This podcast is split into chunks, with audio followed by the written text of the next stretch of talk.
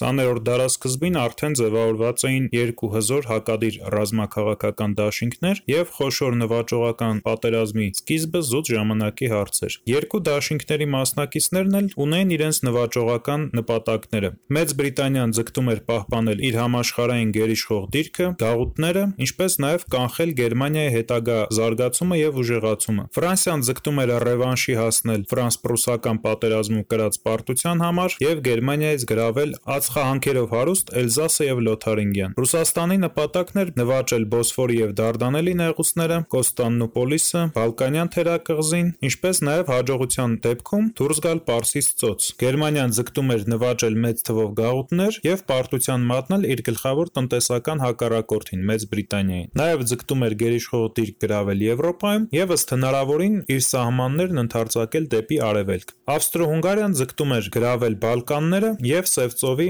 արևմտյան և հյուսիսային ափերը։ Օսմանյան կայսրության նպատակներից էր Ռուսաստանից և Իրանից գրավել թյուրքալեզու ժողովուրդներով բնակեցված տարածքները և ստեղծել պանթյուրքական կայսրություն։ Սակայն հակամարտող կողմերին պետք էր պատրվակ՝ մի կայծ, որը թույլ կտար սկսել պատերազմը։ Նման պատրվակ եղավ 1914 թվականի հունիսի 28-ին սերբ ազգայնական Գավրիլո Պրինցիպի կողմից Ավստրիայի թագաժառանգ Ֆրանց Ֆերդինանդի սպանությունը Սարայևոյում։ Դրանից հետո Ավստրո-Հունգարիան վերջնագիր ներկայացրեց Սերբիային և 1914 թվականի օգոստոսի 1-ին սկսվեց Առաջին համաշխարհային պատերազմը կամ, ինչպես այն այդ ժամանակ կոչվում էր, Մեծ պատերազմը։ Առաջին աշխարհամարտում կար երկու հիմնական ռազմաճակատ՝ արևմտյան և արևելյան։ Արևմտյան ռազմաճակատում հիմնական առճակատումը ֆրանսիական և գերմանական զորքերի միջև էր։ Այդ ճակատում Ֆրանսիային դաշնակցում էին Բելգիան, Հոլանդիան, Բրիտանիան, իսկ 1917 թվականից նաև ԱՄՆ-ն։ Արևելյան ռազմաճակատում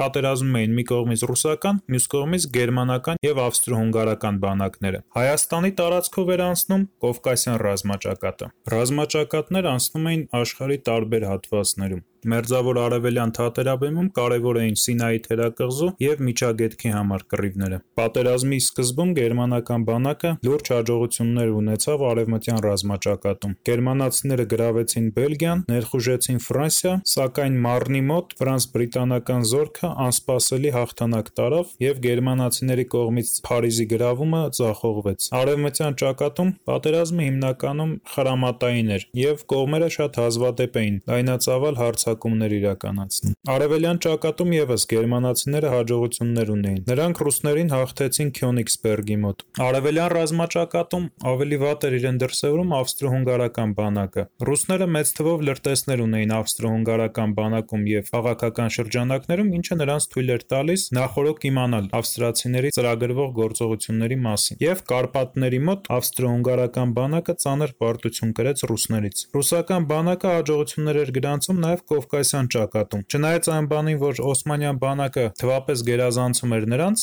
ռուսական բանակը շատ տեղացի կամավորների հետ կարողանում է գրավել Սարիղամիշը, Վանը, Էրզրումը, Վիթլիսը և Արևմտյան Հայաստանի շատ այլ տարածքներ։ 1916 թվականին տեղի ունեցավ 9 ամիս ձգված Վերդենի ճակատամարտը, որտեղ ֆրանսիացիները կարողացան հաղթել գերմանացիներին։ Երկու կողմերն իրար հետ ունեցան մոտ 700 հազար կորուստներ, որոնցից մոտ կեսը սպանվածներն էին։ 16 թվականին ռուսական բանակը ստիպված նահանջեց արևելյան ճակատում՝ կենտրոնական ուժերին թողնելով Լեհաստանը, Մերձբալթիկան և արևմտյան Բելառուսյան։ Ճապոնիան հիմնականում ռազմական գործողություններ էր իրականացնում Հեռավոր Արևելքում և Խաղաղ օվկիանոսում գտնվող գերմանական ռազմածովային ուժերի դեմ և պատերազմի ընթացքում կարողացավ գրավել Հեռավոր Արևելքի և Խաղաղ օվկիանոսի գերմանական գաղութները։ 1917 թվականին ամերիկացիները ևս մտան պատերազմի մեջ, և Արգոնի հարձակողական գործողության հետևանքը եղավ Գերմանիայի պարտությունը։ Առաջին աշխարհամարտի ընթացքում առաջին անգամ մեծ քանակությամբ և կանոնավորությամբ սկսեցին կիրառվել